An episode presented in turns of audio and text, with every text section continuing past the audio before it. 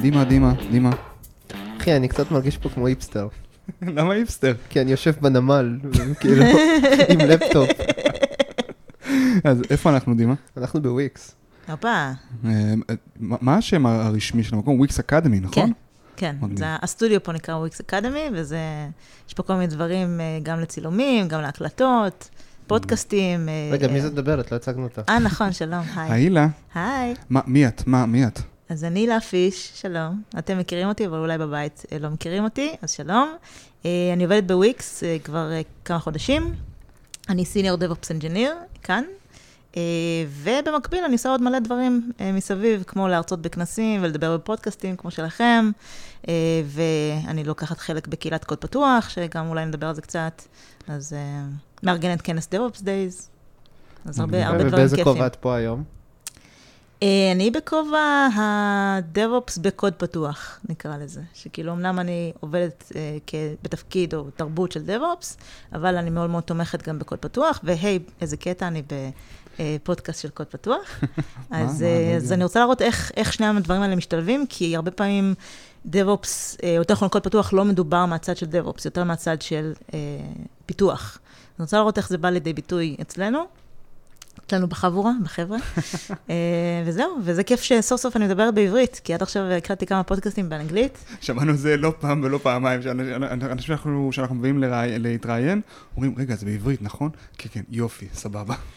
כי זה, זה, אין מה לעשות, עם כמה שאני מתרגלת אה, אנגלית ביום-יום, זה לא ה-native language שלי, ברור. וכאילו, ואני ארגיש הרבה יותר בנוח לדבר בעברית, תמיד. אז, אה, אז זה כיף, זה משחרר. איך זה להיות סולנית בהרכב קאברים? אה, כיף, ממש. מגניב רצח, כאילו, אנשים באים לפה עם כל מיני תחביבים. זה נכון. אה, אני רק. רוצה להגיד לכם, חבר'ה, למי שבבית, חבל שזה לא מצולם, כי אה, אה, דימה פה עושה דברים, כאילו, הוא הוא חמוד גם, ב, כאילו, לא רק בקול, הוא עושה כזה. הוא מזיז את הראש כזה בצורה חמודה, ואני כזה, למה למה אנשים לא פה לראות את זה? כי זה ממש חמוד. אוקיי, תודה רבה, אמ, אה, אני מניח. פעם הייתי אומר שאני לא חמוד, אני גברי ומחוספס, אבל התבגרתי, ועכשיו לא אכפת לי שיגידו לא, שאני חמוד, אז אני. בסדר. אני חושבת שזה... לא אתה. זה תפיסה של פעם, העניין הזה של החמוד, כאילו, שגבר לא יכול להיות חמוד. זה טוב, זה, אוקיי. חמוד זה אופי, אני אבל מסכים. זה לפודקאסט אחר. לא, אז זה לא, כאילו, זה... המיקרופונים זה לא זה לא זר לך בעצם. אה, נכון, נכון. אני שרה מגיל, וואו, שש, שבע? אשכרה. כן, בכיתה א' היה לי את הטקס הראשון שהשתתפתי בו, ושרתי. אה, ואז שרתי בטקסים וכאלה, ו- ואז, ואני מאוד מאוד אוהבת מוזיקה, גם להקשיב, אבל גם לשיר. זה אחלה כלי אה, להתבטא איתו. ופשוט, אה, ואז לקחתי את זה קדימה, ויש אה, פרויקט אה, ממש מגניב שנקרא חצר, שזה בעצם מתופף בא לבד ל- לאודישן, גיטריסט, זמרת, ואז מרכיבים אותם להרכבים. זה. אה, אז ככה אני, זה, אני סולנית שם, וזה ממש כיף, היה לנו הופעה יום שישי. אה, מגניב. מגניב. כן, ממש ממש כיף. cool מאוד. איך, מה הקשר בין מוזיקה ל DevOps? DevOps זה סוג של מוזיקה. איך? is music to my ears. לא, זה לא. DevOps זה האיש ה IT, ש... כבר לא. או, עכשיו, אני חושב שהילה הולכת לדבר. נכנסנו לזה. כן, אני, I- IT, אני מפרידה בין IT system ל DevOps. אוקיי. IT זה מי שמנהל את ה... אה, נקרא לזה את הציוד, כלומר מדפסות וכאלה, זה IT. system זה מי שמנהל את המערכות, כלומר סוויצ'ים, ראוטרים וכאלה. אה, ו DevOps זה, בדרך כלל הוא יהיה יותר באוריינטציה של production, למרות שיש גם אנשי system ב production כמוני בעבר, אבל הוא יותר בקטע של אה, אוטומציות וכאלה בשביל לעשות את החיים הרבה יותר קלים אה, לאנשי הפיתוח. אז אני גם אוהבת להגיד שהם... בגלל שבאתי מה, מהסיסטם, אני, אני מרשה לעצמי להגיד את זה. סיסטם זה אנשים שאומרים, זה עובד, אל תיגע. DevOps זה, תיגע, זה עובד, בוא נגרום לזה לעבוד יותר טוב. אוי, זה מגניב. מעניין. אז... אה, אז שנייה לפני שאנחנו צוללים לשם, אה, בוא נדבר, כאילו, קצת דיברנו על, על מה אנחנו הולכים לדבר בפרק, אה, ולפני כן בוא נשאל, אה, למי הפרק רלוונטי? אה, אז הפרק רלוונטי למי שעדיין בטעות לא יודע מה זה DevOps, אה, ו- או חושב שזה רק תפקיד ולא תרבות, אז אפשר לדבר על זה קצת, כי זה התחיל כתרבות, זה, זה בעצם תרבות, תנועה בעצם של אה, העניין הזה של פעם סיסטם היה נגד הפיתוח, וכל אחד מושך לכיוון אחר, ו-DevOps זה בעצם, כשמו כן הוא, זה כאילו Dev ו-Ops שבאים ביחד. אז מי שרוצה לשמוע על זה קצת יותר, לשמוע איך קוד פתוח בא לידי ביטוי ב- בעולמות ה-DevOps, אה, ובכלל, מי שרוצה קצת להשאיר את עצמו מעבר ל... לבייסיקס של כאילו, יש פיתוח, יש מוצר, יש זה, אלא לשמוע קצת מסביב. כי הרבה פעמים אני, כשאני מנסה להסביר מה זה DevOps לאנשים שהם לא בהייטק, mm-hmm. אז אני אומרת את זה ככה, יש מפתח או מפתחת, הם כותבים קוד, הקוד mm-hmm. צריך לרוץ איפשהו, אני אחראית על איפשהו. ואז הם כזה, אה, אוקיי. זה מאוד דומה למשהו שאני גם הייתי אומר הרבה. אה, זה ממש מגניב כמה שזה קרוב, אבל גם אני, זאת אומרת, יש לי גם איזשהו הסבר כזה של DevOps, זה כל מה שקורה מרגע שמישהו סיים לכתוב קוד, עד הרגע שמישהו משתמש בו. נכון. נכון, זה גם סוג של כזה, משהו מאוד אה, כזה אפלולי כזה שקורה מאחורי הקלעים, ו... זהו, אין יותר מדי מה להוסיף. אתם אומרים ש-DevOps זה משהו שקשה להסביר למישהו שהוא מחוץ לתעשייה. אני חושב שגם למי שבתוך התעשייה זה לפעמים קצת קשה, אה, ונראה לי שכאן זה, זה המקום לדבר על זה. אז הילה, מה זה DevOps? אז בוא נגיד ככה, פיתוח, אתה יודע, אתם כאילו, אנשי פיתוח, אנשים שלמדו הרבה זמן וצריכים להתעסק בקוד, כמובן שאנשי פיתוח בפני עצמם, יש להם עוד התעסקויות חוץ מאשכרה לשבת על המחשב ולכתוב קוד, יש להם פגישות ו design וכאלה, אבל בגדול צריך לכתוב קוד. כל דבר מעבר לזה, זה לא אמור להיות באחריותם, כי יש לזה אומנות בפני עצמה. אז כאילו גם לכתיבת קוד יש אומנות, וגם להתעסקות עם הקוד ואיך מביאים אותו בעצם ל production. זה גם אה, אומנות בפני עצמה. ואי אפשר לצפות מבן אדם שהוא בעצם מתמחה בשתי, ה, בשתי האומנויות האלה, כי זה המון המון אה, התעסקות, וגם לבן אדם אחד, אין לו זמן, תכלס, לעשות גם וגם. אז בעצם זה בא מהמקום הזה של... בוא ניתן לאנשי הפיתוח לכתוב את הקוד ולהתעסק בו, ואני או אנשי DevOps אחרים נדאג לקוד הזה בעצם להגיע ל production ואשכרה לרוץ. האם זה אומר שאני צריך, את יודעת, לעצום עיניים, לסתום אוזניים, ולסיים לכתוב קוד ולהגיד, על באב אללה, אני לוחץ push ו- ולא אכפת לי מה קורה? אה, לא, כי אני חושבת שבאיזשהו מקום, ברגע שכתבת קוד, זה סוג של ה baby שלך, אז אתה רוצה לדעת כאילו מה קורה איתו, לראות שהוא אה, מקבל את התנאים האופטימליים, אז בוא נגיד ככה, כשאני רואה שיש איזושהי אה, אפליקציה שהולכת להיכנס, אז אני אה, אשאל את המפתח, מה האפליקציה צריכה, כי הרי הוא יודע בדיוק מה הוא כתב, הוא או היא, ובעצם אה, להבין מה, אם יש תנאים מסוימים, אם זה יכול להיות ב Kubernetes, או זה צריך להיות שרת, כי זה צריך להיות auto scaling בצורה מסוימת, יש הרבה הרבה תנאים לדבר עליהם. אז זה חייב להיות בשיתוף פעולה, אני לא יכולה להחליט לבד. אז מן הסתם, אם המפתח יגיד, כתבתי קוד ותעשי איתו מה שאת רוצה, זה, זה גם מעיד עליו משהו, כי בוא, כתבת קוד ואתה רוצה לראות מה קורה, כן? כי אתה לא סתם mm-hmm. כתבת וזהו, אתה רוצה לראות מה, מה, מה קורה איתו בפועל, וגם האינפוטים של המפתח מאוד מאוד חשובים, כדי שאני אדע איך אני מדלברת את הקוד בצורה הכי טובה שיש. Mm-hmm. אז, אז לא, לא צריך, ובכלל, אני לא חושבת שלעצום עיניים זה משהו שהוא טוב ב, בשום מקום, לא בחיים ולא, ב, ולא בעבודה. אה, תמיד צריך לפתוח עיניים, צריך ל... ב, אפילו אני סתם אלך אה, כאילו במסדרון ואני אשמע שני אנשים מדברים ואני שומעת איזה משהו שכאילו נשמע לי רלוונטי, ואז אני כזה, רגע, למה? כאילו, או, או אני אתן את האינפוט שלי, למה? כי אני יכולה לעזור, ואם אני יכולה לעזור, נכון שהם לא ביקשו את זה בצורה מפורשת, mm-hmm. אני קצת מאמינה ב... אתה יודע, דברים קורים מסיבה מסוימת, וכנראה לא עברתי שם סתם ככה, אלא הייתי אמורה לעבור שם, ואז הם דיברו על משהו, יכולתי לתת להם איזשהו אינפוט, לחשוב על משהו, ואז כזה, אה, אוקיי, מגניב, ונעשה את זה בצורה אחרת. אז, אה, אז תמיד לפתוח עיניים ותמיד לראות מה קורה סביבך, כאילו לא רק בקטע של טסט דה ווטרס, אלא ממש לראות מה קורה, זה, זה טוב, כי, כי אתה יכול גם ללמוד מזה עליך ועל מה שאתה עושה, mm-hmm. וגם לתרום חזרה לאנשים אחרים, כי בסופו של דבר כולנו פה לאותה מטרה של לגרום לחברה להצליח ולמוצר כאילו לרוץ כמו שצריך. בשיחה המקדימה שלנו דיברנו על, אה, על מושג שנקרא business mindset, וזה ש-DevOps טוב צריך, טוב או טובה, אה, צריכים להיות עם business mindset טוב. את יכולה להרחיב על זה? אני לא בדיוק הבנתי אפילו את המונח. כן, אז בעיקרון זה פשוט אומר שאני צריכה להבין למה אני עושה מה שאני עושה. האם אני מתעסק עם Kubernetes כי פשוט זה כיף לי וזה מגניב, ואני עושה debugging וכיף לדבג, או כי זה אשכרה משהו שהמוצר צריך, האפליקציה הזאת צריכה. אם אפליקציה צריכה לעשות scale, אז יש מצב שאני אלך ל Kubernetes. אם היא לא צריכה לעשות scale והיא לא באמת נהנית מה ש Kubernetes יכול לתת, אז מה בעצם הטעם בלעבור ל Kubernetes רק בגלל שזה Buzzword? אז זה העניין, אז כאילו, האמת שבדיוק היה לי אה, לא מזמן על זה ישיבה בעבודה, הם רצו להעביר, אה, חשבו להעביר את ה, אחד מהאפליקציות העיקריות אצלנו ב data engineering ל Kubernetes. עכשיו, אני אוהבת Kubernetes, Kubernetes זה כיף, כיף לדבג, זה לא תמיד, כאילו, בוא, אה, האמת שכתבתי את זה גם לא, פוסט לא מזמן, זה אולי לא תמיד כיף, אבל זה תמיד challenging, כלומר, תמיד זה מאתגר. אוקיי. Okay. אז... ויכולתי להגיד, ולחשוב על האינטרסים שלי, ולהגיד, כן, כן, בוא נעבור ל Kubernetes, כי אני רוצה, כי מן הסתם, זה יעזור לי גם, אה, עבודה הבאה שאני רוצה, יש לך ניסיון ב Kubernetes, בדיוק, אני כאילו, יופי, טוב. אבל לא, אני צריכה לחשוב קודם כל על הצרכים של החברה.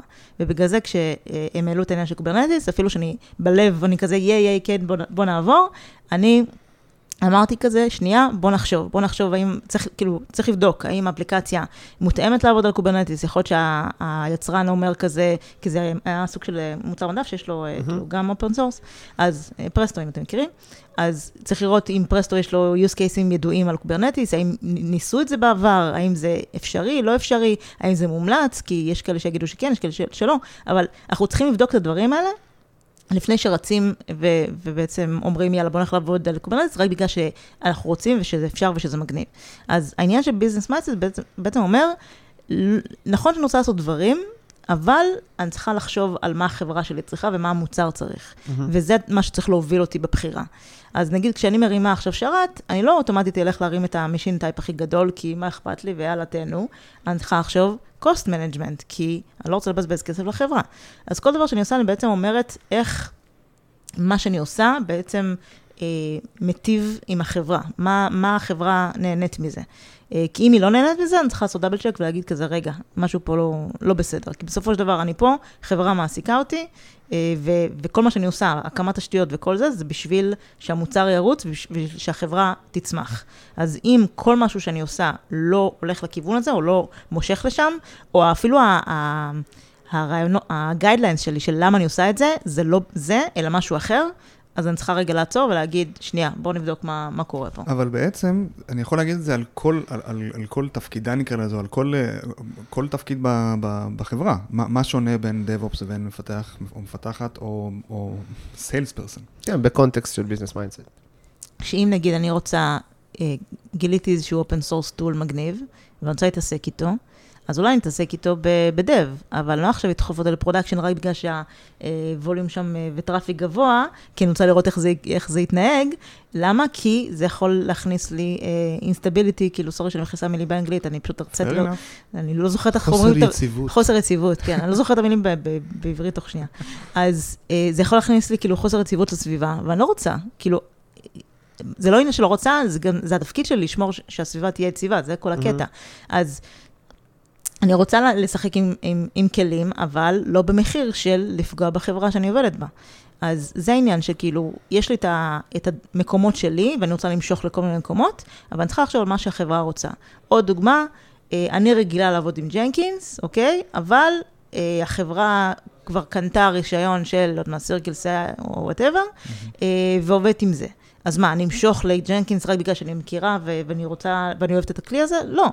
אם החברה מאמינה וקנתה את CircleCI, אז אני רוצה להיות איתם וכאילו להמשיך בכיוון הזה. Mm-hmm.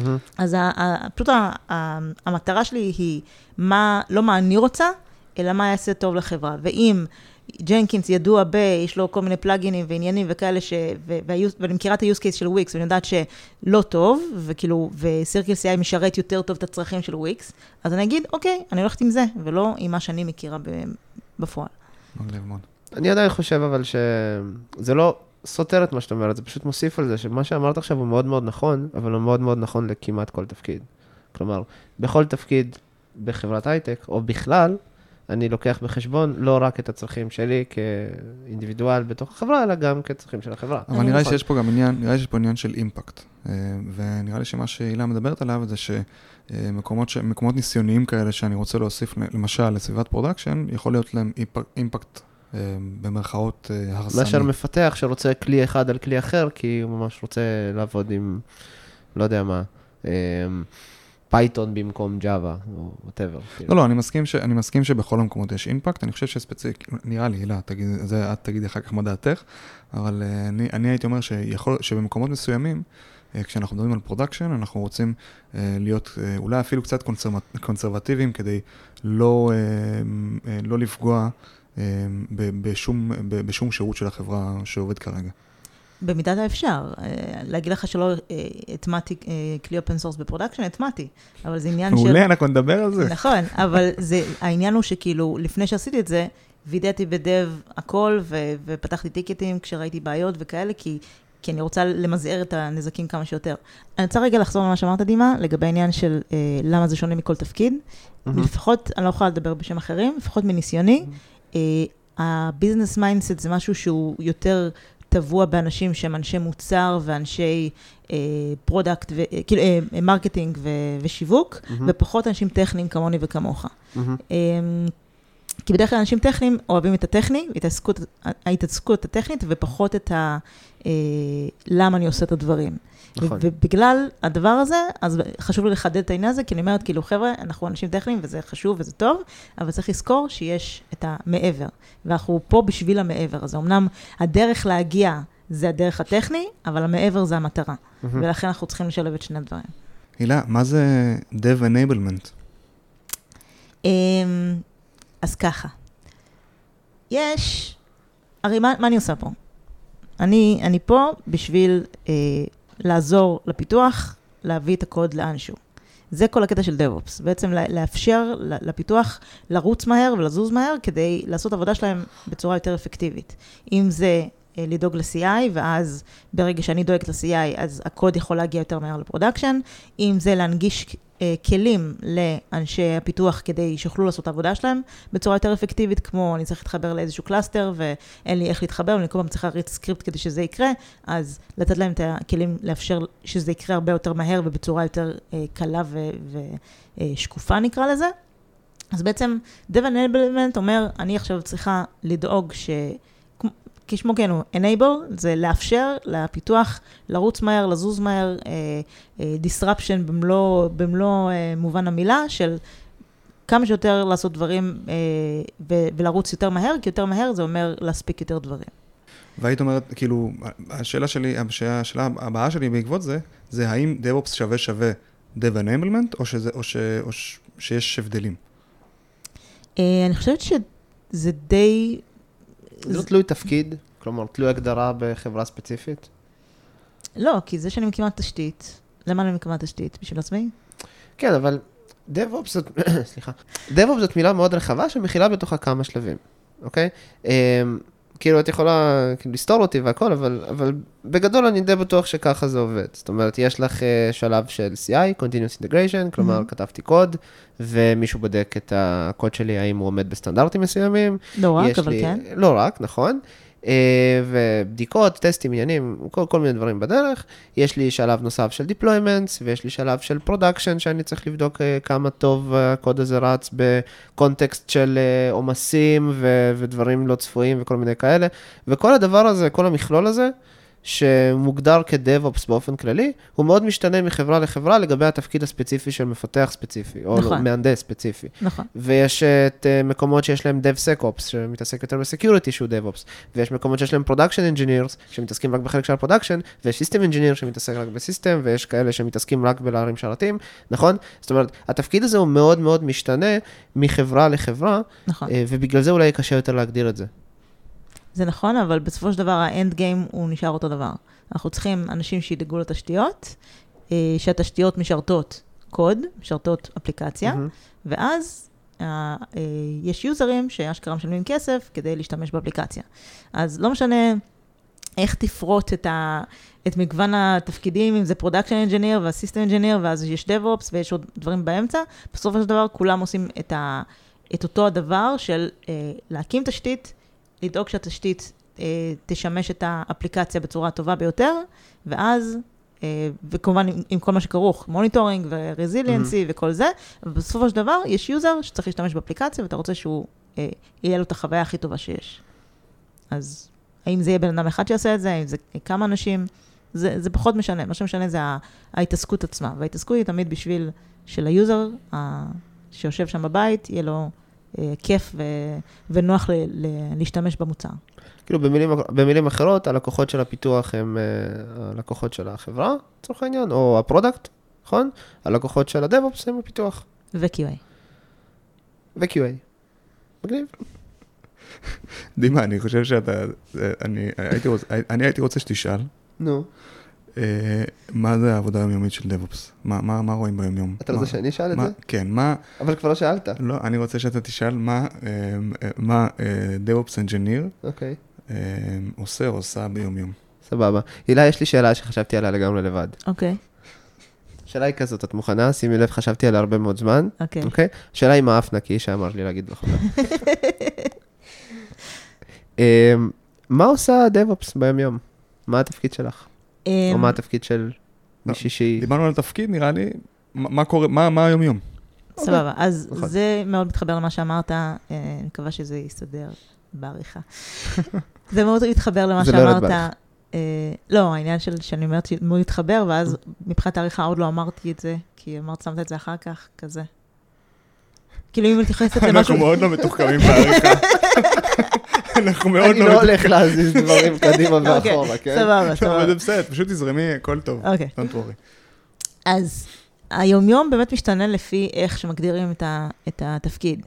יש כאלה שיהיו בעיקר, שכאילו כתיבת קוד תהיה אצלם יותר עיקרית, אה, ויש כאלה שכתיבת Infrastructure as קוד תהיה יותר עיקרית, כי זה שני דברים שונים. יש לכתוב קוד של ממש, שמשמש אותי לה- להקמת אה, כל מיני דברים, ויש אה, Infrastructure as קוד, שזה משמש אותי ממש להקמת תשתיות. אז זה נורא תלוי בצרכים, שוב, עוד פעם, חברה. בסופו של דבר זה תמיד יהיה החברה המקום ראשון. לפי הצרכים של החברה, היא מנווטת את ה... את ה אה, בעצם את העשייה. אז אני יכולה להגיד לך, בעבודה הקודמת העשייה שלי הייתה בעיקר אה, CI, של לוודא שהקוד, אה, בעצם כשהם דוחפים קוד, אז ה image ייבנה, כי זה היה על Docker, זה ה image מהמם. ייבנה, אה, ואז היה ממש אה, תהליך שלם שכאילו לדחוף את ה image החדש לסביבה, ולבדוק את הקוד, אה, שזה אגב תהליכים שה-QA, Automation כתבו, לכתוב, לבדוק את הקוד, שהכל תקין, וברגע שזה נמצא בעצם בסביבה, אז החבר'ה יכולים אה, להשתמש ואשכרה לבדוק את הפיצ'רים וכאלה. אז CI היה חלק מאוד גדול בתפקיד, Terraform, שזה כלי אה, של Infrastructure as Code, גם היה חלק מאוד גדול, אה, של בעצם לכתוב את, הקוד כדי להרים את התשתית, אה, והשתמשנו גם ב Terraform, גם ב Helm וגם ב Kustomize, שזה הכל כלים אה, למטרה הזאתי. אה, ואני יכולה להגיד לך שבעבודה הזאתי, הנוכחית, אה, הפוקוס שלי קצת שונה, כי אני, אה, אם עד עכשיו הייתי ב... אה, נו. אם עד עכשיו הייתי באוריינטציה של production נטו, עכשיו האוריינטציה שלי קצת שונה, אני ב data engineering group, שזה בעצם אומר שאני מקימה תשתית לטובת הכלים אה, והעשייה של data engineers. אז אה, פרויקט עכשיו שיש לי זה לעשות restructure של ה-VPC מבחינת subnetים, כי איכשהו יצא שהם הקימו ב-VPC ובקושי משתמשים בו, כי יש בו רק שני subnetים, ואז אה, כשרוצים לעשות, להרים כל מיני דברים, אז לפעמים זה דברים שהם כאילו מוגדר כמה שרתים יהיו, ולפעמים ה cluster אומר, יש uh, spike של, uh, של traffic, אני צריך לעשות דברים, ואז יש יותר מדי, uh, אתה יודע, שרתים, ואז מהמם. כאילו, אה רגע, לא, אתה, אתה תופס מקום ל, ל, לאפליקציות אחרות. אז, אז שוב, צרכים של חברה, אומרים, אנחנו רוצים לאפשר כמה שיותר דברים לרוץ במקביל, בואו נעשה ריסטרקצ'ר של כל ה-VPC, ו, אה, ואז ממש עשיתי מיפוי של כל האפליקציות שיש לנו, ומה קורה. אז זה, זה דבר אחד. אמ, ואם אם היית נות- מנסה לתת לזה שם, מה מה השם שהיית נותנת? נותנת? אמ, תשתית, כי הרי נטוורק, ואתה יודע, VPC ונטוורק וכל זה, זה תשתית בשביל שהאפליקציה תרוץ. אם, אם, אין לה, אם לא מקבלת IP, היא לא יכולה לעשות שום דבר בשרת. אז דיברנו על, אה, על CICD, שאגב, אולי שווה... אה, אולי. באמת נתעכב על זה שנייה, אני רק רוצה להגיד קודם שהילה, את כרגע הגדרת לנו, או לא, לא רק לנו, לכל מי שמאזין, למה כל כך קשה לגייס DevOps. מכלול הדברים שצריך להכיר, לדעת ולהיות מסוגל להתעסק בהם, וליהנות מזה על הדרך, כאילו זה, זה פשוט כל כך רחב שבגלל זה אני חושב, זאת אחת הסיבות שמאוד קשה למצוא אנשים שעושים את זה אה, בצורה טובה. אה, נכון, וגם עוד קטע זה שאיש או אשת DevOps טובים צריכים לחקור לבד. הרבה. אה, אין דבר כזה להכיל בכפית. יש, יש, אני מקבלת טאסק, אני צריכה ללעוס אותו לבד, אה, להבין מה אני עושה איתו, לראות איך אני חוקרת אותו, ולמזלי יש לי גם אה, ראש צוות מדהים שפשוט נותן לי יד חופשית ותומך בכל דרך אפשרית. אז יש פה המון עשייה, גם טכנית, אבל גם של...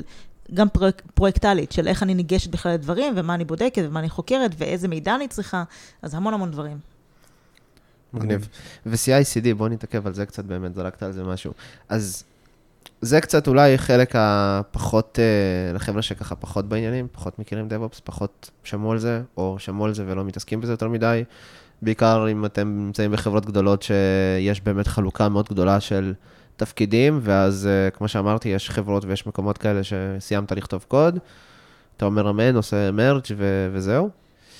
Um, אז באמת יש CI/CD שזה מונח כזה מאוד מוכר, אבל בתכלס הוא מורכב פה משני תהליכים שונים, נכון? אז מה זה באמת שני התהליכים האלה?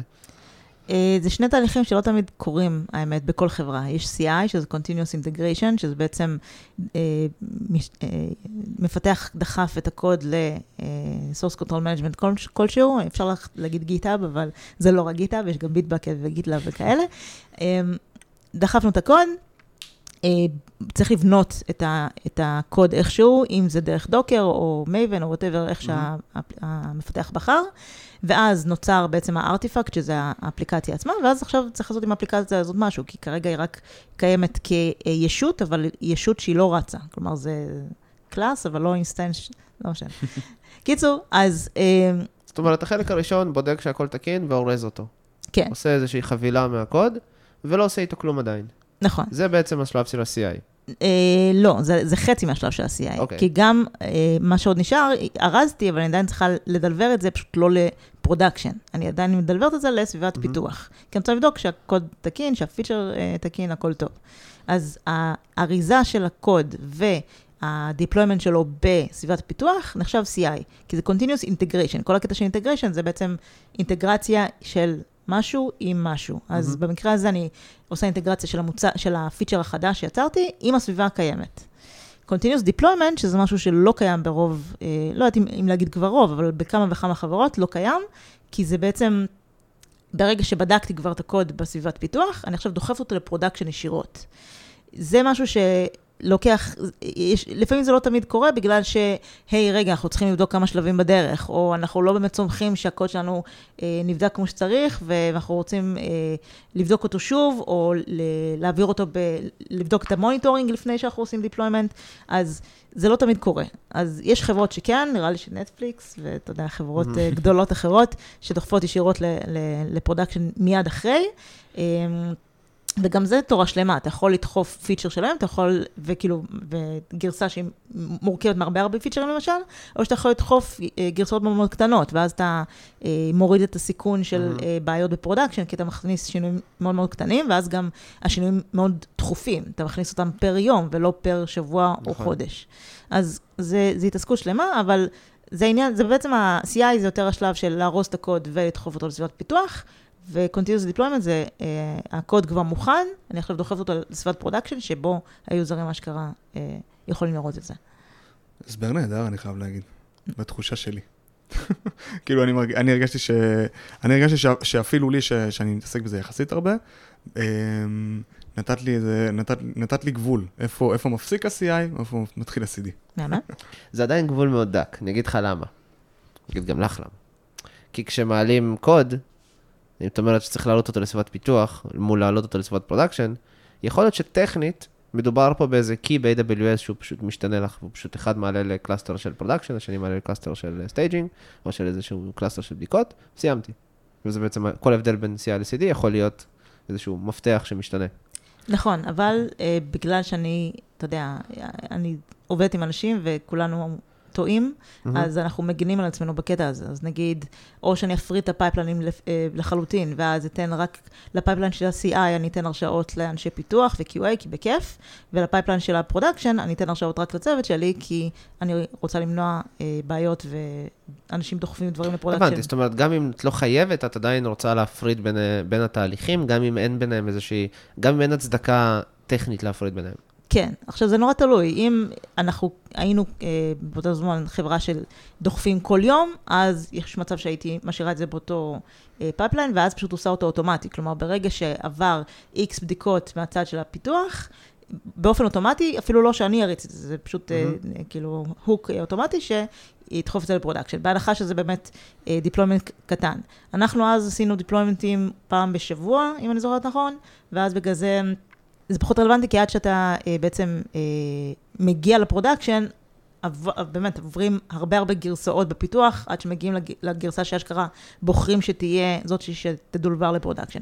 אז זה נורא נורא תלוי בחברה ובקצב אה, דלבור שלה, אה, אבל לפי הקצב אני מחליטה מה אני עושה. אם אני יודעת שיש לי זמן לרווח, אני אפריד את הפייפליינים. אם אני אומרת, לא, אנחנו מדלוורים כל יום ואפילו כמה פעמים ביום, אז כנראה שאני כן אשמור על pipeline אחיד, אבל שהוא יהיה אוטומטי ולא שבן אדם יוכל לדחוף לפי מה שהוא רוצה, אלא שיהיה לי סטנדרטים מסוימים שלפיהם בעצם דוחפים את הקוד ל production.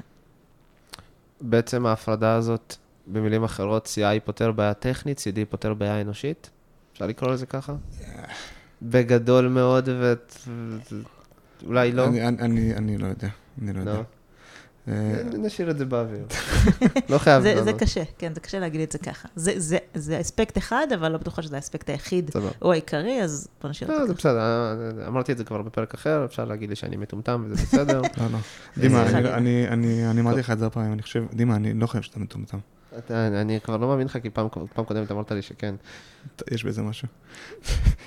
אפרופו, אנשים עושים טעויות. בדיוק. אה, עושה טעות, קרה לך מטומטם, זהו, סלחת. דימה, אני אעניק לך את הכבוד. אתה רק מעניק לי כבוד כל היום, תשאל אתה. אני מכבד, בן אדם מכבד. אל תכבד, תשאל אתה. אה, למי שלא יודע, אחת הסיבות שהחלטתי להגיע לפודקאסט הזה, זה בגלל היחסי גומלין בין שני החבר'ה פה. זה פשוט כיף לראות את זה, וזה בטח גם כיף להקשיב, אז אני מקווה שאתם נהנים לפחות כמוני, כי אני ממש נהנית. שמעת, דימה, הם אוהבים אותנו, הם אוהבים אותנו. נוריד את זה בעריכה, מה אתה אומר? סיכוי, יש סיכוי. זה נכון אבל, אני לא אמרתי זה סתם, זה נכון. זה פשוט כיף. זה כיף, תודה. אנחנו באים לכאן לעשות כיף, באמת. זה מורגש. אז דיברנו, דיברנו המון על, על מה זה DevOps ו- ו- ו- ואיך הוא מתחבר בעצם אה, ל- ל- למודל הביזנסי של החברה ו- ו- ו- ועל production. זרקנו פה המון המון אה, מושגים ו- ו- ונתנו קצת הרגשה של מה זה העולם הזה, אבל בואו נדבר על איך הוא מתחבר קצת לקוד פתוח. Mm-hmm. ואני, וזה מוביל אותי לשאלה הבאה, שלאחרונה אנחנו רואים יותר ויותר כלי, כלי DevOps שהם, שהם יוצאים ב open source. אה, את זה, סתם, אני זורק עכשיו, HashiCorp, Kubernetes, לא שזה כתוב לי או משהו כזה. חלילה, אבל אני גם אזרוק Datree. נכון. זה גם כלי. מה, מה, מישהו אמר Datree? אז אה, נכון, אתם, זה בדיוק הקטע. Datree כל כך חמודים שהם לא עושים דברים לפרסם את עצמם, הם עושים את זה כי הם באמת מאמינים בעיניי במוצר ובמה המוצר נותן לאנשים, ובגלל זה, עובדה, זה כל כך מושרש שאתה, כעובד Datree, לא מזכיר את זה בכלל. אז בגלל זה, אני אזכיר את זה. זה כי את לא היית ב-12 הפרקים הקודמים שלנו, אבל בסדר. אה, אוקיי, סבבה. סתם, לא, אבל זה נכון, אני מסכים. אנחנו באמת לא כזה מדברים על החברה ועל המוצר, כי אנחנו לא פה בשביל זה. זאת אומרת, אנחנו פה כי אנחנו נהנים open source, ובין היתר החברה שאנחנו עובדים בה עושה את זה.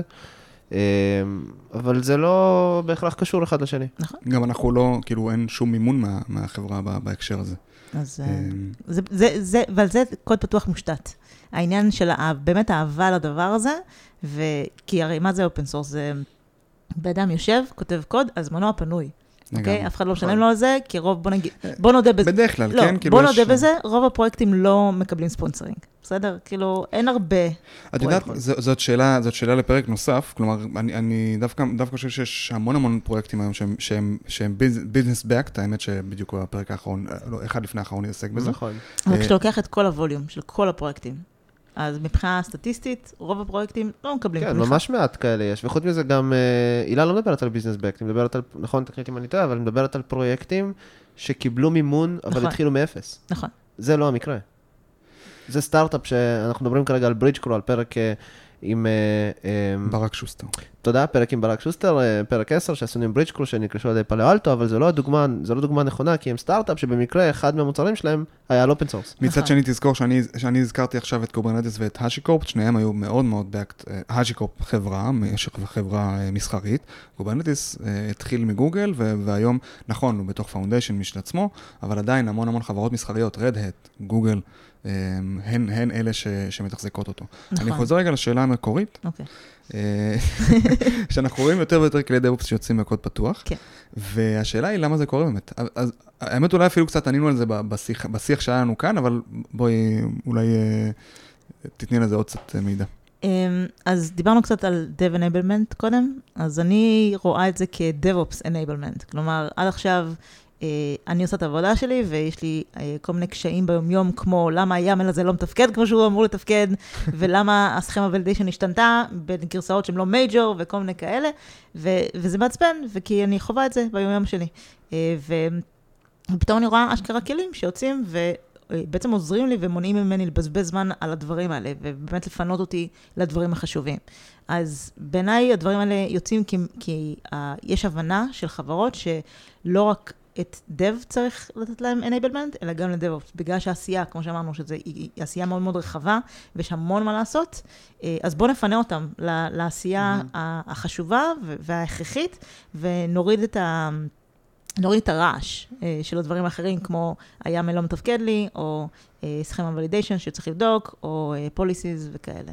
זה DevOps Inception, זה DevOps ל-DevOps. ממש. אוקיי, אז מה לגבי תשתיות גם? כלומר, גם לתשתיות יש עכשיו כלים ש... שעושים את הדברים האלה ומוסיפים איזושהי תמיכה? כן, אז אה, מן הסתם, בגלל שזו עשייה רחבה, אז אומרים, אוקיי, בואו אה, ניקח גם, כמו שיש הרי Managed Services אה, בענן, והם לוקחים אה, אה, תכולות של פיתוח, כמו EMR זה Spark מנוהל, אז לאט לאט רואים גם Managed Services אה, שהם אה, לוקחים תכולות של אה, DevOps, למשל Prometheus. מנוהל. אז זה באזור של ה-Managed Services, ובעצם למה חברות ענק ראו את זה שצריך בעצם לעזור גם לנו ולהוריד תכולות, כי אין מה לעשות, ברגע שאתה מתעסק במשהו, אתה צריך לתחזק אותו ותחזק אותו בצורה יומיומית. אה, אז כמו שיש Managed Services, יש גם כלים אה, של Open Source שעושים את אותו דבר, פשוט אולי פחות מדוברים, או פשוט, או פחות backed up, אבל הם עדיין עוזרים המון. אתן לך דוגמה. בעבודה הקודמת אה, הטמעתי את קדה, KEDA זה בעצם פרויקט open source שמאפשר לך לעשות autoscale, יותר נכון downscale של פודים לאפס. אה, באותו זמן השתמשנו ב-GKE, GKE מאפשר לעשות downscale רק ל pod אחד, ול-use case שלנו זה היה מצוין, כי היה לנו בעצם... GKE זה Kubernetes של גוגל. נכון. אז, אה, וכל הקטע זה שבעצם באותו use case היה לנו מקרה שבעצם האפליקציה התנהגה בצורה מסוימת, רק אם יש הודעות ב Pub/Sub, שזה בעצם ה-message queuing של אה, GCP, ובמידה ואין הודעות, אז אפליקציה תכלס idle, לא עושה כלום. אז אמרנו, למה שנשלם כסף, כאילו חבל, בואו נבדוק אם יש אופציה, ומשהו זה. ו KEDA זה מוצר באמת מעולה. לא מזמן ראיתי פוסט בלינקדאין על, על uh, פיצ'רים חדשים שהשתחררו, והם באמת מתוחזק היטב. Um, כלי באמת מעולה. אז...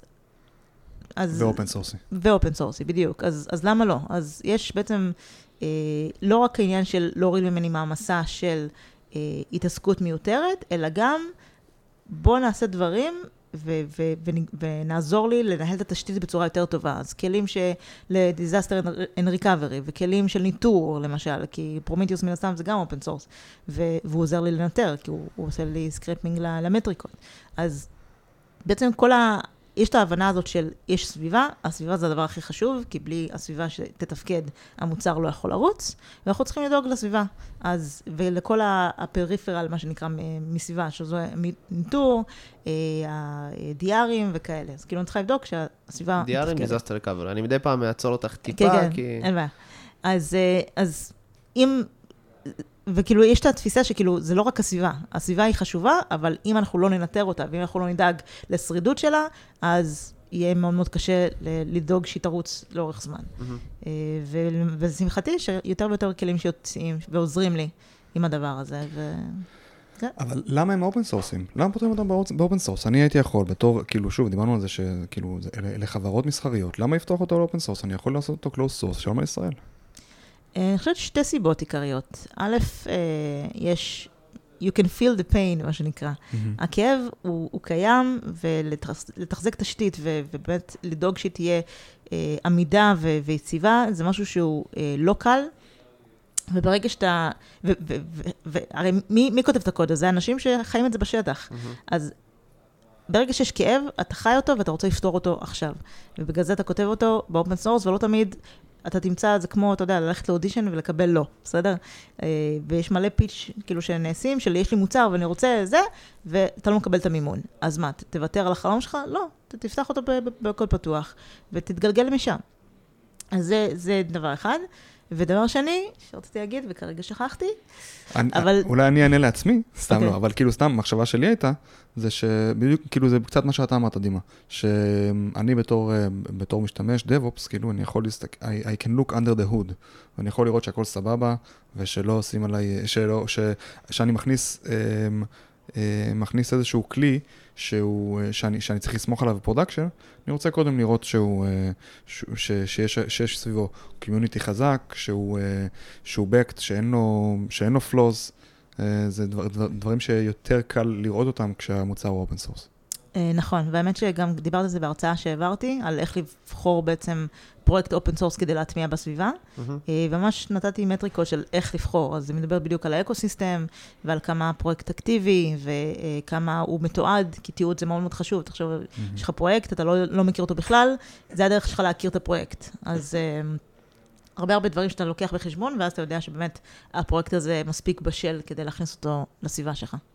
זה אגב נכנס כנראה לא רק לכלים ל DevOps, זה נכנס ל dev tools באופן כללי. טוב, זאת נכון. אומרת, קטגוריה שלמה של כלים, שאם הלקוח שלי הוא מפתח, אז אני, יש לי איזשהו אינטרס לפתוח את זה ב open source, לפחות חלק ממנו, כי יראו את הקוד. ונזכרתי מה רציתי להגיד קודם, מהמם. וברגע ש... הדבר השני זה שברגע שאתה פותח אה, קוד ל- להיות פתוח, אתה בעצם משפיע על ה tech landscape. שוב, אני לא זוכרת את המילים בעברית. אז זה נהדר. זה הדרך... להש... טכני? לא, לא, לא, לא נראה לי. זהו, לא נראה... איך... איך... מה- landscape. בואו נקרא לזה הנוף הטכני, אז מה, בעצם, כן. מה, מה זה אומר? אז אתה רוצה לנווט את, הקר... את הטכנולוגיה לאנשהו, אוקיי? איך אתה תעשה את זה? תפתח אה, אה, את הקוד שלך לקוד פתוח, תביא הרבה הרבה יוזרים והרבה הרבה use cases, ואז אתה, זה דה פקטו יהפוך להיות ה... אה, סטנדרט. הסטנדרט, כמו טרפורם, כמו ג'נקינס, זה, אתה יודע, אה, זה, זה כל כך אה, אה, שמיש, בקטע שכאילו נראה, נראה כלים אחרים כאילו מנסים להתחרות, לא בגלל שהם לא טובים, אלא בגלל שבאמת האקוסיסטם כבר כל כך חזק וכל כך מגובש, שעכשיו לשנות את זה, זה, זה, זה יצריך הרבה זמן. אז זה אחלה אה, דרך לעשות את זה. מגניב מאוד. בגדול גם קצת להיות, להפוך, זה, זה גורם לספרד להיות הרבה יותר מהיר, הייתי אומר. נכון. אז איך אה, אשת דב-אופס יכולה לתרום לקוד פתוח? אז יש בעצם כמה דברים. קודם כל, עצם זה שהיומיום שלי הוא מושתת על קוד פתוח, אתה יודע, השרתים, לינוקס, אה, משתמש ב Terraform, ב Jenkins, ב Ansible, כל, מיני- כל הכלים האלה הם open source לחלוטין, ועצם זה שאני משתמשת בהם, אני בעצם תורמת לעולם הזה. אה, מעבר לזה, אני יכולה להרחיב גם מודולים של אה, כלים קיימים, אז נגיד, לכתוב מודולים של, של ה community ל Terraform, לכתוב plugin-ים של Jenkins, לכתוב מודולים ל Ansible. אם אני מזהה חוסרים, אני יכולה בעצם להשלים אותם, לתרום, ואז ככה עוד אנשים יכולים ליהנות מזה. אה, ודבר נוסף זה שאם דיברנו business mindset, אז אפשר לעשות, אה, לדבר על open source mindset. אם עכשיו יש לי איזשהו use case בעבודה, למה שאני אלך אוטומטית למוצר מדף? אם אני יכולה לחפש בגוגל ואני רואה ששוב, לפי הקריטריונים שאני אה, אמרתי ש- שקיימים, אני רואה שהמוצר הזה טוב. למה לא להשתמש בו? רק בגלל שיש לי את הפחד שלא יהיה support?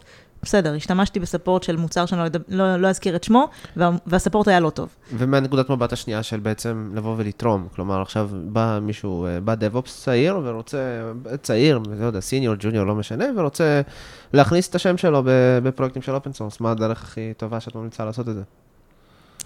אה, בתרומה עצמה אתה מתכוון? כן.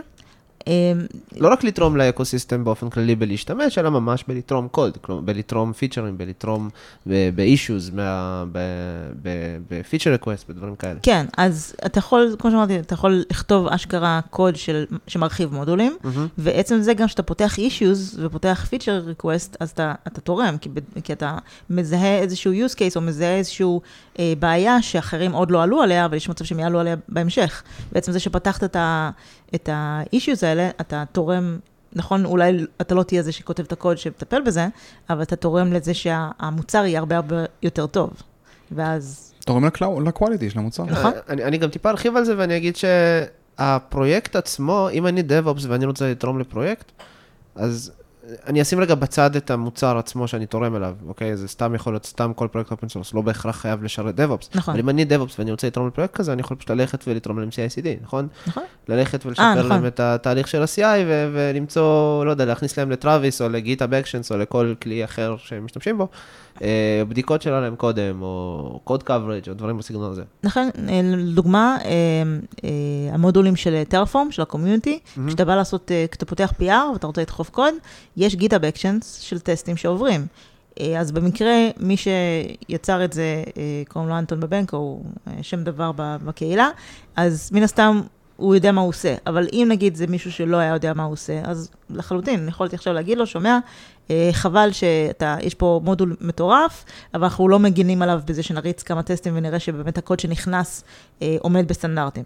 ואז אפשר להציע, בוא נעשה לך את הגיטאב אקשנס, בוא, וזה. אז נכון, אפשר לא רק לכתוב את הקוד ויתרום קוד עצמו, אלא בעצם לדאוג למעטפת, כדי לדאוג שהקוד עצמו יהיה באיכות הרבה יותר גבוהה. ואני אפילו הייתי אומר עוד משהו, שגם אנשים, אמרת כאילו, אה, הוא, הוא מטורף, הוא כאילו, אה, ואני יודעת שהוא, שהוא עושה את זה טוב, אז נכון, אבל אני חושב שדווקא ב open source יש כאן עניין, שאני יכול, אני בתור contributor uh, אינדיבידואלי, יכול תמיד לתרום עוד, וגם, ו, וגם האנשים הכי חזקים, אני, אני, אני תמיד יכול, יכול לעזור להם. אין פה, אין פה עניין של היררכיה או דברים כאלה, אני יכול, אני יכול פשוט...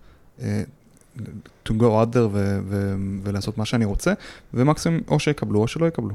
נכון, זה כל היופי ב open source. Yup. כולם, כולם שווים. יש maintainer, אין maintainer senior ואין, אתה יודע, אין, אין את ה title-ים כמו שיש ב- בחברות. בדיוק. אה, זה ממש מגניב, נכון. לפני שנגיע לפינה, יש משהו אה, קטן שרציתי להוסיף, וזאת דווקא לא שאלה, זה משהו שאני רציתי להגיד. אני... זאת, זה נראה לי, אני חושב שזה הפרק שהיה לנו בו הכי הרבה buzzwords, נכון. שהיה ever. אה, גם את זה אמרתי באנגלית. אה, ואני מכיר קצת את הקהל מאזינים שלנו, ויש לנו לא מעט מאזינים שהם אה, מפתחים, נכון? חלק מהם ג'וניורים, חלק מהם בעבודה ראשונה, שנייה. אה, אגב, אני חייב להגיד שזה מדהים כמה שזה גם מנעד רחב של אנשים, יש לנו גם כל מיני אה, ארכיטקטים ו-CTOs וכל מיני חבר'ה כאלה שמאזינים לנו, וגם ג'וניורים, אז ממש כיף, על הדרך אני אגיד את זה, אבל אני מדבר ספציפית למפתחים ולמפתחים עם מעט ניסיון. למפתחים ולמפתחות, דימה. למפתחים ולמפתחות, סליחה, למפתחות, בסדר? והמפתחים אה, יבינו שמדבר גם עליהם. אז אני מדבר על המפתחות שעם המעט ניסיון, ועם, אה, ועם, החבר'ה, ועם החבר'ה שפחות מכירים את העולמות האלה. אז אני לא אומר שאתם חייבים להכיר את כל הבאזוורד שזרקנו פה, ואת כל המילים ואת כל הדברים שזרקנו, ופה הילה, תעצרי אותי אם, אם אני אומר משהו שהוא לא נכון, אבל אם אני חוזר למה שאמרתי קודם, לזה שככה, מה שדיברנו עליו בתחילת השיחה, של מפתח או מפתחת שכותבת קוד, אה, מסיימת אותו, לוחצת מרג' ו- ושוכחת ממנו. אם אתם עובדים בחברה כזאת או במקום כזה, תשנו את זה מהר. זאת אומרת, העולם היום משתנה והולך לכיוון שבו אנחנו חייבים לחשוב טיפה מחוץ לקופסה ומחוץ לסקופ של המשימה שקיבלתי, ואני חייבת, או חייב, או חייבת, אה, להגדיל, להיות מסוגל להגדיל ראש, אני פשוט על עצמי קשה לדבר בתור זה, אבל כן. אה, אני חייב אה, להיות מסוגל להגדיל ראש, ו... ולצאת מאזור הנוחות שלי ולהבין על מה הקוד שלי משפיע. אם אני נמצא במקום שלא נותן לי את זה, אז או שתפתחו את זה בחברה שלכם, או שתמצאו מקום אחר שייתן לכם את זה, כי אתם אמנם לא חייבים להכיר את כל המושגים שאמרנו פה, אבל אני חושב שבוא נגיד 30-40 אחוז מהדברים שזרקנו, זה לפחות דברים שאתם חייבים להכיר מה הם באופן כללי ומה הם עושים. אני לא הייתי רוצה להיות אבסולוטי ולהגיד 30-40 אחוז. אולי לא ממספר, זה. בסדר, קיבלתי, כן. אבל, אבל זה כן דברים שצריך אה, להבין על מה אנחנו מדברים בכלל. אני מסכימה, כי אני חושבת ש... אני יכולה לתת לך דוגמה של מה זה להגדיל ראש אצלי ב- בעבודה, אז קודם כל הגדלת ראש ב-DevOps, בגלל שהרבה פעמים זה, אתה מקבל טאסק ואתה לא בדיוק יודע מה צריך, לעשות, אז כל הטאסק זה הגדלת ראש, כי אתה אומר כזה, מה אני צריך לעשות, איפה, מה הגבולות גזרה שלי, מה ה-definition of done. אז בעצם... אז דוגמה אצלי, הפרויקט שהזכרתי של ה restructure של הסאבנטים, כבר אמרתי מראש לראש צוות שלי, שומע אני, phase 1 יהיה ה restructure של הסאבנטים, phase 2 יהיה לעבור על כל security groups ולראות שהכל hardened ולא, אה, ולא פתוח. למה? כי security זה חלק מהעבודה שלי גם כן, אין מה לעשות. אני אחראית על הסביבה, אה, אחריות על הסביבה זה אומר גם לדאוג שהיא מהודקת ומי אה, שנכנס אמור להיכנס ומי שיוצא אמור לצאת. אז אז זה, זה בדיוק הקטע. לא, לא התבקשתי. בטאסק, בג'ירה או במאנדיי, כתוב, uh, restructure subnets. Mm-hmm. אבל אני לא יכולה להעלים עין. לא, לא, זה, לא, זה לא ב-DNA שלי, אכפת לי מדי, uh, אני יודעת ש... Uh, וזה בדיוק הקטע, החברה משלמת לי, uh, גם לעשות את מה שלא התבקשתי. אבל דימה לדעתי מדבר על משהו אחר, כאילו אני, אני קצת קשה לי, קשה לי מה שאתה אומר דימה, כי מבחינתי גם להכיר משהו ברמה של רק נפנופי ידיים זה לא מספיק. אה, אז כאילו, אני, אני מחבר את מה שאתה אומרת, דימה, למה שאת אומרת, הילה, שנכון, ש, כאילו, שווה להעמיק תמיד, שווה, שווה תמיד ללמוד, אבל, אבל מעבר לרמה של נפנופי ידיים. ואני יכול להגיד, אגב, אה, בוא, רגע של כנות אה, נגיד, אני חושב שגם אני, בערך מחצית מה, ממה שדיברת עליו, הילה, אני, אני מכיר אותו רק בנופנופי ידיים, ואני לא יכול, אני, אני אהיה חייב לצלול אליו יותר. אז אני שם את זה, אני שם את זה באיזושהי מסגרת של... אמ, צריך לעשות, צריך, צריך, אה, צריך למצוא איפה להעמיק ואיפה, ואיפה גם להבין שאוקיי, כאן אני לא אשיג את, ה, את המידע הזה.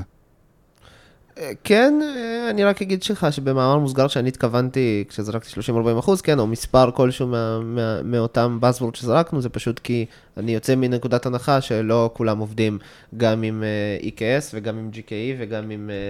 עם AKS של אג'ור, ותמיד יש איזשהו כלי אחד כזה, וכלי אחד של monitoring, ולא לכולם יש Prometheus, ולא לכולם יש... נכון. אה, זה, אז, אז ברור שלא צריך להכיר את כל הכלים, התכוונתי שכל אחד יכיר פשוט את הכלים לפחות במינימום, שבחברה שלו משתמשים בהם.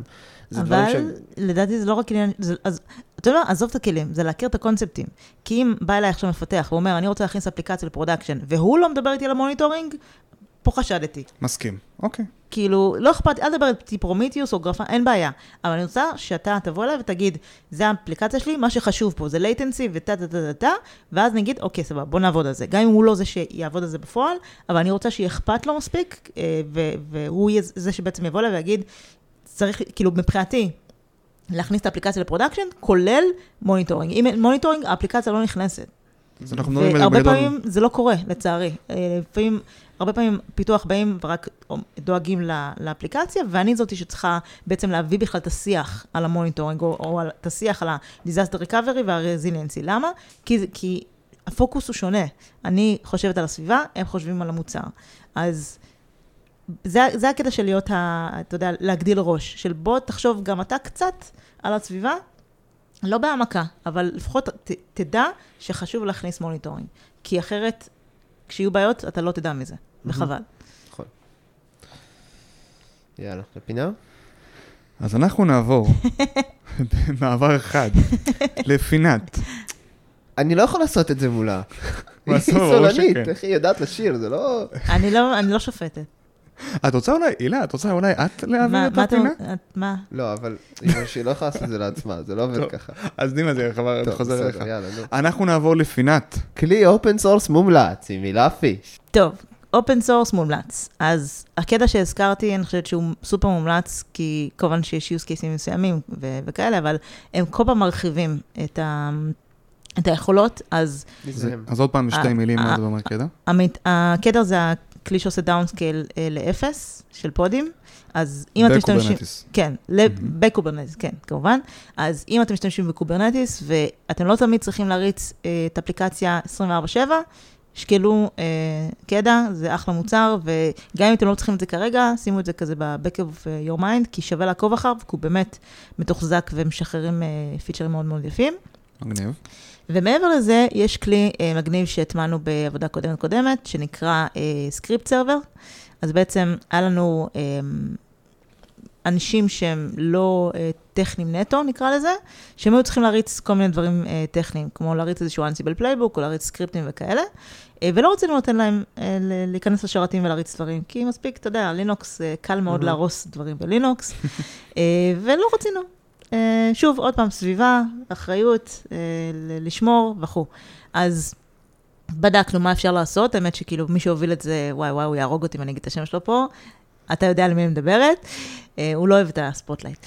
אז הוא, אה, הוא בעצם זה שהעלה את הרעיון, כי הוא הכיר את, ה tool הזה לפני כן. אה, זה tool שבעצם מנגיש אה, סקריפטים, וכאילו גם סקריפטים, Ansible playbook, Terraform, בעצם אה, הרצות וכאלה, ל- ב-UI. מהמם. ויש לו גם אה, מנגנון של אה, Authentication ו-Authorization, שזה מדהים לי, כי אז אם אני רוצה להנגיש לך, אז, ואני יודעת שאתה כאילו צריך א', ב', ג', אני אנגיש לך את א', ב', ג', אבל ישי צריך רק את א', אני אנגיש לו רק את א'. מהמם. אז, אה, וזה היה כלי ממש טוב, ו- ואפשר לנו בעצם להוריד הרבה מאיתנו, כי אם כל פעם הם היו באים ופותחים לנו טיקט של, היי, תריצי א', ב', ג', אז עכשיו נתת להם את הכלי הזה, תריצו לבד, אתם לא צריכים אותי, ואז, שוב, Dev Enablement, זה בדיוק זה. אז. אה, אז זה כלי ממש מומלץ. כתבתי עליו, אגב, גם אה, blog post, אה, אז מי שרוצה לראות קצת את ה... גם... אנחנו נשים לינק ב- בלמטה של הפוסט. אז כן, זה אחלה כלי, הוא חמודי ממש, מי שה maintainer, אני רואה כל פעם אה, אה, כאילו תגובות וכאלה ש- על, טיקטים, וזה פשוט, אה, כיף לראות את זה. open source פשוט כיף. אגב, גם KEDA, אה, כשהכנסנו את זה ל production, היה לי בעיה באיזה, אה, כאילו, שנייה לפני שזה נהיה production, חמישי ב... נראה לי בעשר בערב, אוי משהו. כזה. פתחתי לו, לא ציפיתי, אוקיי? כתבתי לו בצורה זה, I really appreciate if you could, בלה בלה בלה, ובן אדם פשוט ישב ושחרר לי גרסה בעקבות מה שפתחתי. פשוט, באמת, זה עולם מדהים, זה כיף לראות את, ה- את האהבה של האנשים למקצוע ו- ואת השיתוף פעולה שקיים שם, אה, וזה גם למה, זה גם מחבר אותי לעניין של למה אני וקוד פתוח, כי, או DevOps וקוד פתוח, כי גם DevOps מאוד מושתת על שיתוף פעולה. אז כשאני הולכת ל- ורוצה לעשות משהו, אני כן באיזשהו מקום אוטומטי אלך ל open source, כי יש לנו את אותם ערכים. אני יודעת שכאילו, אם אני צריכה משהו, הם יעזרו לי, כי, זה, כי מאמינים בזה, כי הם רוצים, לעומת אה, מוצר מדף ש... יופי שהם רוצים, אבל יש שעות אה, פתיחה ויש אה, שעות נכון. תמיכה וכאלה. אין, אין את הגבולות האלה. אה, וכמובן יש את העניין של בני אדם, וכאילו אני לא יכולה לצפות שיעשו בשבילי משהו, אבל אם אני מבקשת יפה, ואם אני מסבירה את, ה, את הכאב, והבן אדם בצד השני מבין ואכפת לו, כי עצם זה שהוא מתעסק בקוד פתוח זה אומר שאכפת לו, אז יוצאים מזה דברים מהממים ויפים, ופשוט אי אפשר שלא לתמוך בדבר הזה. משהו אולי אה, שאפשר להוציא מזה, וזה אולי באמת יהיה הדבר האחרון, ו- ופה נסיים, זה שלא יודע מי שם לב, אבל את ממש רצית להשתמש וממש התלהבת מכלי ודיברת עליו המון, כי החוויה שלך ממנו גם, בין היתר, הייתה מאוד חיובית כשפתחת להם אישוז. נכון. כי הם, כאילו, קיבלת שירות מאוד טוב, ושמו לב למה שרצית, ו- ו- ותיקנו ועשו והתייחסו אלייך. ולא רק בטול אחד, בכמה. בכמה. אז כן. מיינטיינרים, שימו לב, בבקשה, יש פה כלים שמשתמשים בהם ביום נטו כי... אה, לא, לא בהכרח, לא רק כי, כן, אבל בין היתר בגלל שהם מאוד זמינים ונוחים וכיף להשתמש בהם וכאלה. הם מאוד מאוד עוזרים, מאוד. ואולי מילה על הקוד פתוח, קהילת קוד פתוח בפייסבוק והיוזמה. בטח, בשמחה. אז uh, יש את קהילת קוד פתוח בפייסבוק, למי שלא מכיר, תצטרפו, אחלה קהילה, כרגע יש שם 4,200 איש בערך. אמ, זו קהילה שגם נועד- נועדה אה, לשתף על דברים זאת שקורים. קבוצת פייסבוק? כן, איך היא נקראת? Pull Request. אה, אוקיי. תגידי, Pull Request. אתה צודק לחלוטין. אה, יש לי, גם, גם בהופעה כשאני שרה, ואז אני כזה מציגה את הנגנים, אז באופן קבוע אני שוכחת להציג את עצמי, ואז הגיטריסט בא ואומר, ואני הייתי, אני כזה, אה, נכון, הילה פיש, היי. אז את כן. לא בעניינים, הילה, עשינו פרק עם מיכל, אבל בסדר. את, אני ראיתי את הפרק, אני אוקיי. הקשבתי לפרק, הוא היה מעולה. אמ, אז, קהילה מדהימה, אה, גם יש שם קטע של מנטורינג ומנטי, שזה ממש מדהים, ואחת היוזמות שאני מובילה שם זה משהו שקראתי לו open source rel, כמו DevRel, למי שלא מכיר, DevRel זה בעצם אה, סוג של תפקיד יחסית חדש, DevRel או Dev Advocate, של להנגיש את מה שהחברה עושה החוצה. אה, מבחינת עשייה, טכנולוגית וכאלה, וגם יש הרבה היבטים פנימיים של להנגיש את הפיתוח יותר למוצר ולאנשי ה product וכאלה. אז בגלל זה קראתי לזה Open Source Rel, כי זה בעצם אה, להנגיש את עולם, אה, את הקוד הפתוח ואיך חברות תופסות קוד פתוח לאנשים. אה, אז כתבתי, הכתבה הראשונה הייתה על וויקס, זה בעצם איך וויקס תופסת קוד פתוח ומה היא עושה בעולמות האלה. אז מהמם. זריקה של נושא קטן, יש אה, בוויקס משהו שנקרא Guild Week, שבעצם אמ, שבוע אחד ברבעון, לא בשנה, ברבעון, שבו אתה יכול לעשות דברים שלא קשורים ליום-יום הרגיל שלך, כאילו. אחד מהדברים האלה זה לתרום לקוד פתוח. אז שבוע שלם, במשך רבעון, שזה רבעון זה שלושה או ארבעה חודשים, אתה יכול לתרום לקוד פתוח, שזה מדהים. אני לא מכירה הרבה חברות שעושות את זה. אז הקטע של היוזמה זה בעצם אה, להראות, לתת לחברות להראות מה הן עושות, למה? אה, לא רק בשביל PR בשבילם כמובן, אלא בשבילנו, האנשים שמאמינים בקוד פתוח ו- ו- ומבינים עד כמה זה חשוב, אם הם רואים שיש חברות שאשכרה תומכות בזה ועושות דברים בצורה אקטיבית כדי לתמוך בעולם הזה, זה חברה שאני רוצה להיות בה. זה בעצם עוד נדבך בשבילי כדי לשקול מקום עבודה. אה, אז וויקס זה החברה הראשונה שכתבתי עליה, Cloudify גם אה, עכשיו התפרסמה, ובתקווה שעוד חברות יצטרפו ליוזמה הזאת, כי אה, ככל שנשמע מה החברות עושות, ניתן לזה amplification, עוד פעם שכחתי מילה בעברית, נעצים. נעצים את, ה, את הדבר הזה, ניתן מקום לקוד פתוח, נראה, אה, וזה גם סוג של לתת לגיטימציה, כי ברגע שחברות מבינות את הערך של זה, זה מקבל יותר ויותר לגיטימציה, וזה כמו שאנחנו רוצים בעצם. הילה היה ממש מעניין. אה, תודה רבה, היה לי כיף. אה, גם לנו, ואנחנו ממש מצליחים... אה, אני חושבת שזה הפודקאסט הראשון שצחקתי בו, אז באמת? כן. איזה כבוד. כי תמיד היינו רציניים כזה. ועכשיו זה פשוט, כן, זה פשוט היה כיף, ואתם צח- מצחיקים, אז תודה. איזה כיף לנו. תודה. מקווה שאנחנו גם מעניינים מעבר למצחיקים. כן, נכון. לא, לא, ברור, ברור. סתם. סתם, אני צוחק. איזה, איזה, טוב, לא משנה. זה היה לגמרי פולני. הכי פולני כן. שהיה לי עד עכשיו. שתדעי שגם לנו היה ממש כיף, לי לפחות, אתה יודע לגביו, אני לא מדבר בשמו, אבל אבל מבחינתי היה ממש אה, ממש נחמד, גם כיף פה בוויקס, אה, קיבלו אותנו מאוד יפה. אה, זהו, תודה רבה, היה ממש נהדר. יפה, תודה לשניכם. דימה, תודה לך. תודה, אני- דימה. תודה- תודה רבה לי. כן, תודה. אה, היה לי נחמד להיות איתי. אבל באמת, אה, תודה שהערכתם אותי. כן. היה כיף. אה, מגניב. אז אם יש לכם רעיון לפרק, הייתם רוצים להתארח, פנו אלינו במייל, opencodepod@gmail.com, קוד KODPOD.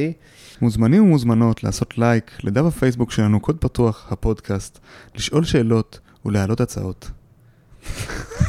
אמרתי שיש לו קול רדיופוני. אחר כך הוא לא מבין למה אנחנו אומרים לו את זה.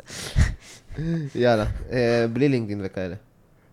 לא יודע. לא צריך. אתם רוצים, לא- תתחברו לא- ל LinkedIn אם אתם רוצים, שיהיה לכם, אה, בכיף, באהבה. לא צריך. וגם לא- תתחברו לקבוצת פייסבוק. סבבה. יאללה, סיימנו. להתראות, ביי ביי.